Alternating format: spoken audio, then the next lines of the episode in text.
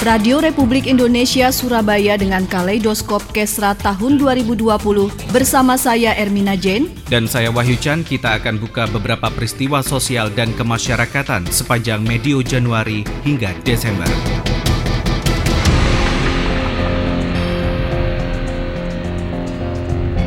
Mengawali Kaleidoskop tahun 2020, kita buka beberapa peristiwa yang terjadi di bulan Januari di awal tahun, masyarakat dihadapkan pada bahaya banjir yang mulai mengancam. Pemerintah Jawa Timur menerima laporan 15 daerah dinyatakan rawan banjir karena puncak curah hujan yang cukup tinggi. Mojokerto dan Bojonegoro sudah menerbitkan, sedangkan Madiun belum. Nah, ini yang tadi kami pastikan, bagi yang sudah menerbitkan SK siaga bencana, apakah mereka sudah melakukan langkah-langkah yang dimungkinkan dari adanya SK tersebut untuk mengantisipasi atau meningkatkan kesiagaan atau kecepatan uh, merespon. Ini tadi yang mau diinventarisir langsung oleh Pak Kepala Pelaksana BPBD karena tugas kita nggak selesai menghimbau untuk surat itu ditandatangan, tetapi apakah dengan pegang surat itu mereka sudah bisa memaksimalkan langkah-langkah yang bisa diambil. Selaras dengan misi RRI memberikan informasi dan edukasi di awal tahun 2020, RRI sebagai radio tanggap bencana, Direktur Utama LPP RRI Rohanuddin berharap RRI dapat memberikan pencerahan dan pengetahuan seputar tanggap bencana. Radio Republik Indonesia ini kerjasama dengan BMKG, kerjasama dengan BNPB, kerjasama dengan BPBD. Peran BPBD itu menjadi sangat penting di daerah jadi peran RRI daerah itu sebenarnya harus kerjasama dan BPDBD juga harus banyak siaran di RRI. Termasuk pakar-pakar perlu diajak bersama untuk memberikan pencerdasan kepada masyarakat. Begitulah fungsi dari Radio Republik Indonesia membuat program kendongan itu. Karena kendongan itu bukan hanya sekedar bunyi-bunyian, itu adalah filosofi, sains agar masyarakat itu lebih waspada. Semua bencana, bagaimana menghadapi banjir dan sebagainya.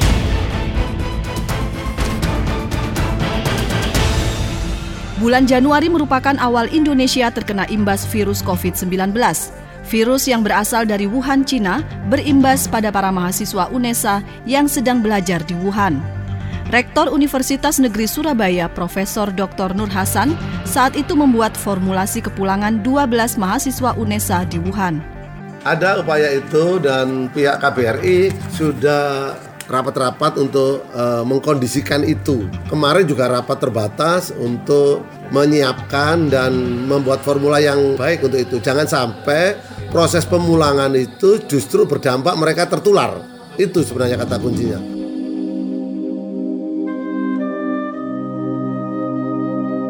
Beralih ke bulan Februari, Indonesia berduka. Jawa Timur berduka. 2 Februari 2020, Jawa Timur kehilangan ulama besar Kiai Haji Solahuddin Wahid.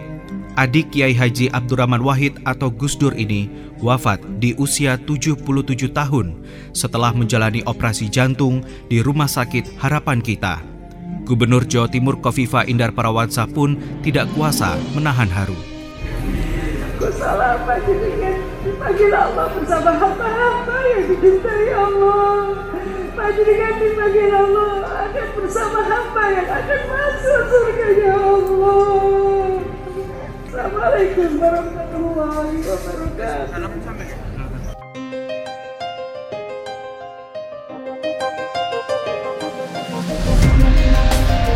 Setiap tanggal 4 Februari diperingati sebagai Hari Kanker Sedunia.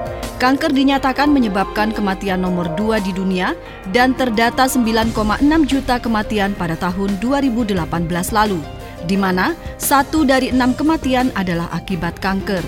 Kepala Bidang Pencegahan dan Pengendalian Penyakit Dinas Kesehatan Jawa Timur, Setio Budiono menjelaskan, berdasarkan data tahun 2018 lalu, terjadi sekitar 85.800 kasus kanker setiap tahunnya kalau tahun 2013 itu di pedesaan 1,1 per mil menjadi tahun 2018 menjadi 1,7 per mil berarti naik 0,6 ya per mil ya. ada memang ada kenaikan kalau di perkotaan ini dari 1,7 menjadi 2,6 berarti naik 0,9 Nah, penduduk perkotaan punya potensi untuk menjadi kanker uh, lebih tinggi.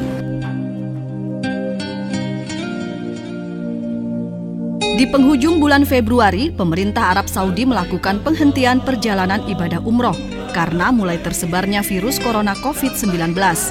Pemerintah Arab Saudi mengeluarkan keputusan dengan menghentikan sementara pelaksanaan ibadah umroh sejak 27 Februari 2020 sampai dengan waktu yang belum ditentukan. Pelaksana tugas Ampuri Jawa Timur Muhammad Sufian Alif memprediksi akibat penghentian ini, biro atau travel umroh mengalami kerugian. Ya kerugian yang pasti yang berimbas dengan teman-teman yang keberangkatan hari ini bahkan mungkin sampai satu minggu ke depan. Bulan Maret 2020, pandemi COVID-19 mulai melanda Indonesia termasuk Jawa Timur. Pemerintah kota Surabaya mengambil langkah cepat melalui Dinas Kesehatan memperketat pengawasan di pintu masuk kedatangan wisatawan dan pantauan ketat di beberapa titik di tempat-tempat publik. Kadinkes Surabaya Febria Rahmanita menyatakan sosialisasi pencegahan mulai dilakukan. Kita memang sudah melakukan sosialisasi terkait dengan virus corona ini, kemudian kita juga sudah menyiapkan masker ya, uh, sarung tangan, handscone, kemudian kita juga sudah siapkan baju antisipasinya. Di tengah mulai mewabahnya virus corona, para musisi mencoba bangkit mengembangkan industri musik Indonesia, utamanya musik tradisional. Menurut seniman karawitan dan dalang Kukuh Setio Budi, momen peringatan Hari Musik 9 Maret diharapkan menjadi awal mendorong kecintaan kaum milenial terhadap musik tradisional untuk milenial yang lain yang belum tahu tentang gamelan. Inilah yang sebetulnya uh, justru PR-nya. Karena saya yakin mereka tidak suka atau belum suka dengan gamelan. Belum itu karena belum pernah memainkan. Karena belum ada yang mengenalkan. Saya yakin kalau sudah ada yang mengenalkan, ada yang sudah bisa memainkan, saya yakin pasti suka. Bulan Maret tahun 2020 menjadi bulan kewaspadaan pasca mulai menyebarnya virus corona di hampir semua wilayah di Indonesia termasuk Jawa Timur. Beberapa tempat wisata, sarana transportasi, dan layanan publik lainnya mulai dibatasi termasuk belajar mengajar. Salah satu yang terdampak adalah pengemudi online. Menurut Humas Driver Online Daniel Rorong, para pengemudi mengeluh pendapatannya turun hingga 30 persen nggak terlalu signifikan dalam artian ya pendapatan yang diperoleh teman-teman driver online yang R2 maupun R4 ya menurun dibanding belum ada wabah mengenai virus corona. Sebaran COVID demikian cepat melanda semua wilayah. Berdasarkan data Satgas COVID, menurut Gubernur Kofifah, Surabaya ditetapkan masuk zona merah. Pemerintah Provinsi Jawa Timur ingin menyampaikan kondisi sebaran terakhir COVID-19 di Jawa Timur bahwa untuk wilayah Surabaya dan Malang Raya yang sudah memiliki kasus positif COVID-19 dan terdapat peningkatan jumlah pasien dalam pengawasan serta orang dalam pemantauan yang saat ini ada 36 tercatat sebagai PDP dan 91 tercatat sebagai ODP dan 9 tercatat sebagai COVID-19 plus. Dampak dari zona merah untuk wilayah Surabaya mengakibatkan beberapa ruas jalan di Surabaya diberlakukan lockdown. Kasat Lantas Polrestabes Surabaya AKBP Teddy Chandra menjelaskan penutupan beberapa ruas jalan ini seiring dengan diberlakukannya kawasan social distancing penutupan dua ruas jalan, Jalan Raya Darmo dan Jalan Tunjungan. Itu nanti akan diberlakukan sebagai kawasan social distancing. Untuk dua ruas jalan tersebut tidak ada aktivitas orang maupun kendaraan. Ya tentunya ini terkait upaya pemerintah dan kepolisian untuk mencegah ya kan salah satu upaya untuk mencegah terjadinya penyebaran virus COVID yang mungkin sudah diketahui bersama jumlahnya apa untuk kasusnya ODP meningkat ya kan kemudian upaya cegah tangkal lah. Begitu cepatnya sebaran wabah COVID-19 menggerakkan pemerintah Provinsi Jawa Timur secara cepat melakukan antisipasi. Kepala Dinas Kesehatan Jawa Timur Herlin Verliana mengatakan, pemerintah provinsi menyiapkan sarana rapid test serentak untuk 38 kabupaten kota. Jadi rapid test ini kan pemeriksaan yang memang belum 100% kepastian ya.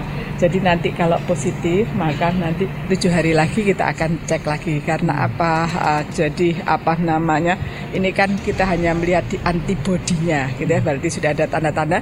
Nanti dipastikan lagi. Nanti kalau dia itu negatif, seminggu lagi sebetulnya harus kita lihat ya. Tapi kalau dia positif maka kita pastikan dengan swab. COVID-19 yang melanda di hampir semua negara juga menghantam 96 hotel di Jawa Timur yang terpaksa tutup dan merumahkan 7.500 karyawannya. Ya, jadi gini, mulai per Maret itu kan memang sudah menurun ya. Mm-hmm. Terus April ada imbauan untuk tidak keluar rumah, tidak boleh berkumpul dan segala macam itu. Itu okupansi hotel sudah di bawah 10, di bawah 10 persen. Jadi itu sebetulnya sudah tidak wajar untuk operasional karena BEP itu kan sekitar 50 persen ya. Betulnya di bawah 50 persen itu sudah sudah rugi gitu.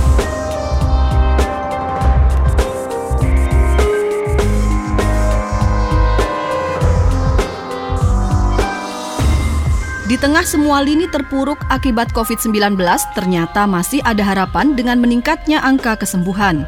Gubernur Jawa Timur Kofifa Indar Parawansa mengapresiasi kerja semua pihak hingga tingkat kesembuhan mencapai angka 25,56 persen.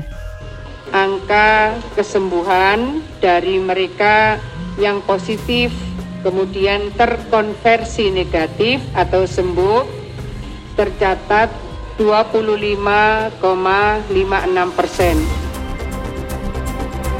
Memasuki bulan Mei, pemerintah Provinsi Jawa Timur menyalurkan tambahan top up untuk 333 ribu lebih keluarga penerima manfaat dengan nilai total bantuan sebesar 99 miliar rupiah lebih.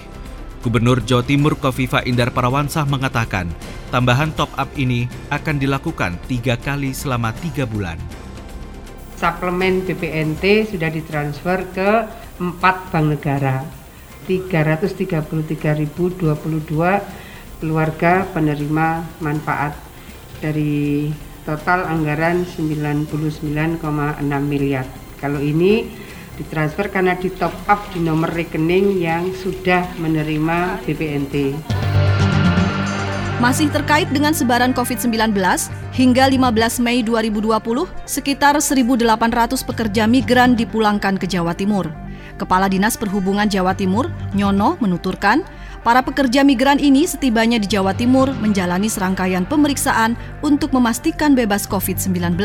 Dalam catatan kami sekitar 1.800-an sudah uh, kembali dari beberapa berbagai negara Jawa Timur dan itu kita lakukan rapid test di bandara jadi kalau rapid testnya negatif itu uh, kita antar ke pendopo kabupaten masing-masing untuk kita serahkan kepada tim COVID daerah kabupaten masing-masing. Kini kita buka beberapa peristiwa di bulan Juni. 1 Juni diperingati sebagai Hari Lahir Pancasila yang tahun 2020 berlangsung di tengah pandemi COVID-19 menurut Tubagus Dide Rosadi, Humas Gerakan Ansor Surabaya. Tema gotong royong selaras dengan intisari Pancasila yang digagas Bung Karno. Di tengah pandemi saat ini ya tentu saja kan menitik beratkan kepada semangat gotong royong yang juga merupakan salah satu sila dari Pancasila Persatuan Indonesia.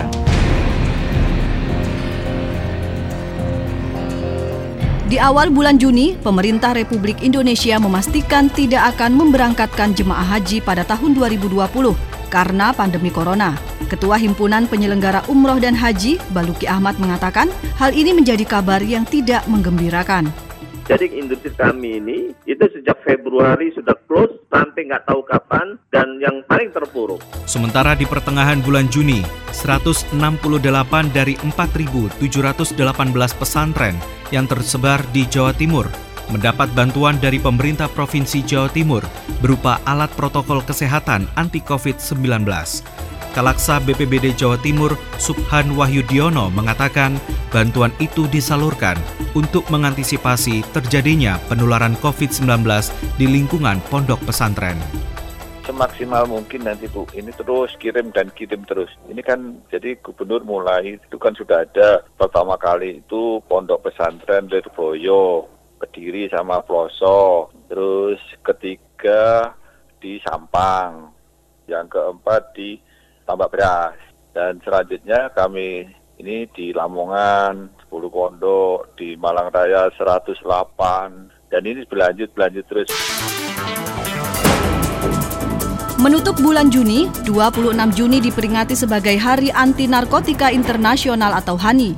Penyalahgunaan narkoba yang sudah menyentuh hampir semua kalangan, menurut Ketua Lembaga Anti Narkotika LAN Surabaya, Aldi Lazuardi, masih menjadi persoalan besar bangsa ini. Jadi kalau misalnya data dari Lembaga Anti Narkotika Surabaya, justru pergerakan daripada narkotika ini semakin besar. Peristiwa bulan Juli yang akan selalu diingat adalah perayaan Idul Adha yang dilaksanakan secara berbeda dalam kondisi pandemi. Seperti yang diungkapkan Ketua Tanfidya, pengurus wilayah Nadatul Ulama Jawa Timur, Kiai Haji Marzuki Mustamar, sholat dan proses penyembelihan pun dilakukan dengan protokol kesehatan. Di masjid-masjid, di pondok-pondok atau di kantor NU, nggak ada kerumunan. Sebab kalaupun itu kambing, cukup dua orang terus uh, sapi yang ngambruk ini sama yang dibeli paling lima orang jadi nggak sampai terjadi kerumunan dan yang penting kita himbau pakai pakai masker Kini kita buka beberapa peristiwa yang terjadi di bulan Agustus. Pandemi COVID-19 yang masih belum selesai berimbas pada para pekerja seni. Namun mereka mengaku haru ketika perwali nomor 28 dicabut dan kegiatan seni bertahap diperbolehkan. Wahyudi, salah satu anggota Aliansi Pekerja Seni Surabaya, APSS, mengaku lega dan tetap siap memenuhi semua protokol kesehatan yang diterapkan saat berkesenian. Intinya sih cuman kita membutuhkan meminta uh, kita maksudnya dalam arti itu perizinan dalam segi acara resepsi untuk di masyarakat supaya diberikan izin resepsi aja. Yang namanya RUU udah dicabut, sudah diperbolehkan untuk acara resepsi. Tetap kita mentaati anjuran pemerintah walaupun kita udah bebas, kita saat acara aja sesuai protokol kesehatan. 18 Agustus 2020, Jawa Timur melakukan uji coba belajar tatap muka di beberapa daerah. Gubernur Jawa Timur Kofifah menyatakan uji coba ini sudah dikoordinasikan dengan kepala daerah masing-masing. Kita melihat bahwa ada checkpoint di depan yang suhu tubuhnya 37,3 diminta kembali pulang. Saya ingin sampaikan bahwa uji coba ini baru bisa dilakukan atas persetujuan Bupati Wali Kota.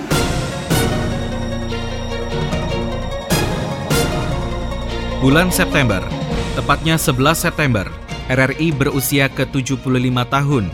Peringatan Hari Radio di tengah masa pandemi COVID-19, RRI tetap memberikan ruang bagi masyarakat terdampak, salah satunya siswa sekolah. Program belajar di RRI dan juga guru keliling merupakan upaya membantu siswa utamanya yang berkebutuhan khusus. Sekarang ini kan sedang banyak pelajaran melalui online.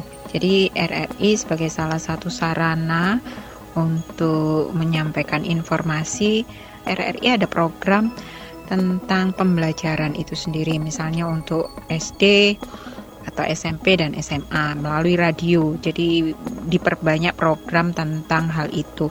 Dengan demikian eh, menjadi salah satu sarana pembelajaran yang murah kepada masyarakat.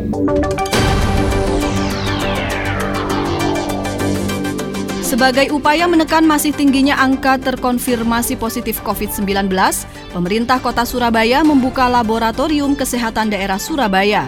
Dan menurut Wali Kota Tri Risma hari ini, Lakesda ini memberikan layanan swab gratis bagi warga kota.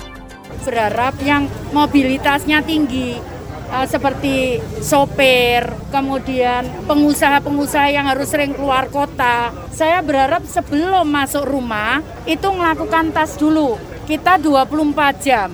dan saya berharap paling lama satu setengah jam lah kita bisa jadi. Nah supaya kalau masuk rumah itu kondisi aman. Kasihan keluarganya kalau kemudian tertular karena itu.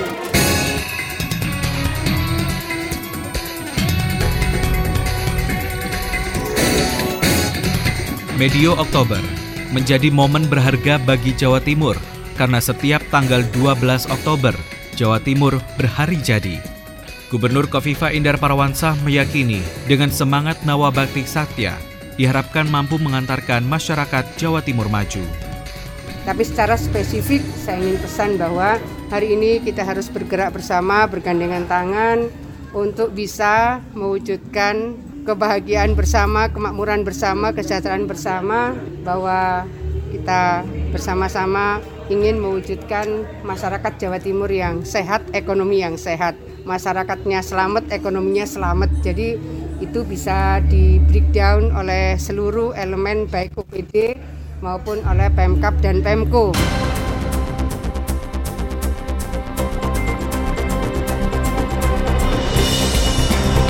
Pendengar medio bulan November yang identik dengan Hari Pahlawan juga harus diperingati secara sederhana dengan tema Pahlawanku Sepanjang Masa. Gubernur Kofifa Indar Parawansa berharap bangsa Indonesia membangun kekuatan untuk melawan COVID-19. Hari ini perang kita adalah melawan kemiskinan, hari ini perang kita adalah melawan keterbelakangan, melawan kebodohan, dan tugas kita adalah membangun persatuan, membangun persaudaraan yang kuat, dan hari ini antara lain tugas kita adalah melawan COVID-19 maka seluruh ikhtiar yang bisa mensinergikan seluruh kekuatan, persatuan, persaudaraan, dan kekuatan kita.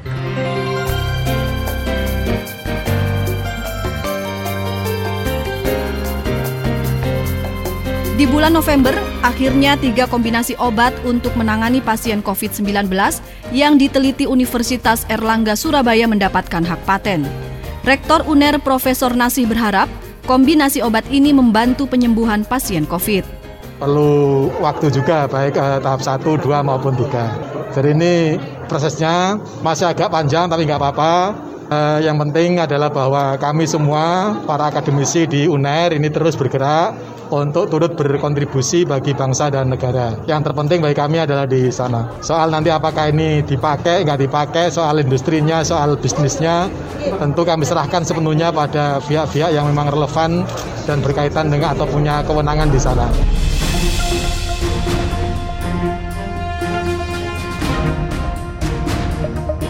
Memasuki musim pancaroba, masyarakat perlu mewaspadai terhadap berbagai bencana, seperti di wilayah pesisir Surabaya terlanda banjir rob.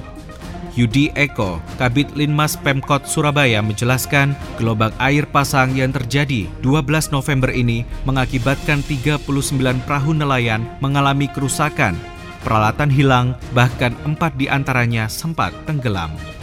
Personilnya lima orang, 24 jam dari dari kami, dari Satpol, dari masing-masing tempat. Jadi mereka mungkin banyak paling karena monitor wilayahnya, sekelilingnya kan juga ada teman-teman geografi masa di sana juga komunikasi sambil ngecek peralatan sambil komunikasi dengan comment center. Ini rencana kami ada rencana berikan permakanan dulu selama karena di Bengkulu gelombang tinggi selama beberapa hari ini rencananya begitu. Ini masih kami realisasi datanya. 17 November, Gubernur Kofifah berpesan agar PMI menggandeng Palang Merah Remaja PMR dalam setiap kegiatan kemanusiaan. Oleh karena itu, pembibitan dari PMR menjadi sangat penting. Kemudian pengabdian PMI selama ini di sangat banyak lini tugas-tugas kemanusiaan. Saya rasa tagline-nya PMI 6 jam sampai di tempat itu sudah terbukti.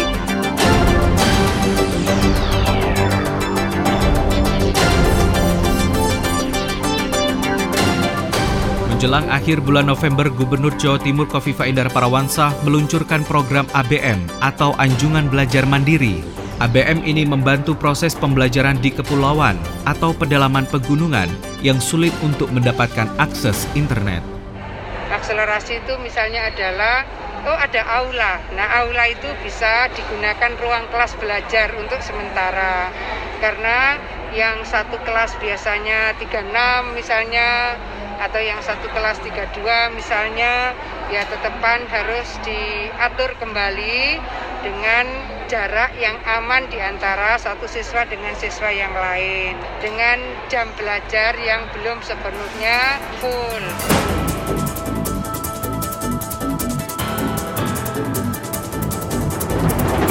Memasuki bulan Desember, masyarakat Lumajang diminta ekstra waspada setelah erupsi Gunung Semeru. Gubernur Kofifah Indar Parawansa pasca erupsi mengadakan peninjauan langsung kondisi warga terdampak. Oleh karena itu, kami ingin mengkonfirmasi apalagi yang kita butuhkan untuk penguatan dari tim PPMBG di pos pantau ini. Yang kedua, antisipasi-antisipasi secara teknis dan strategis antisipasi secara teknis misalnya kelengkapan dari early warning system.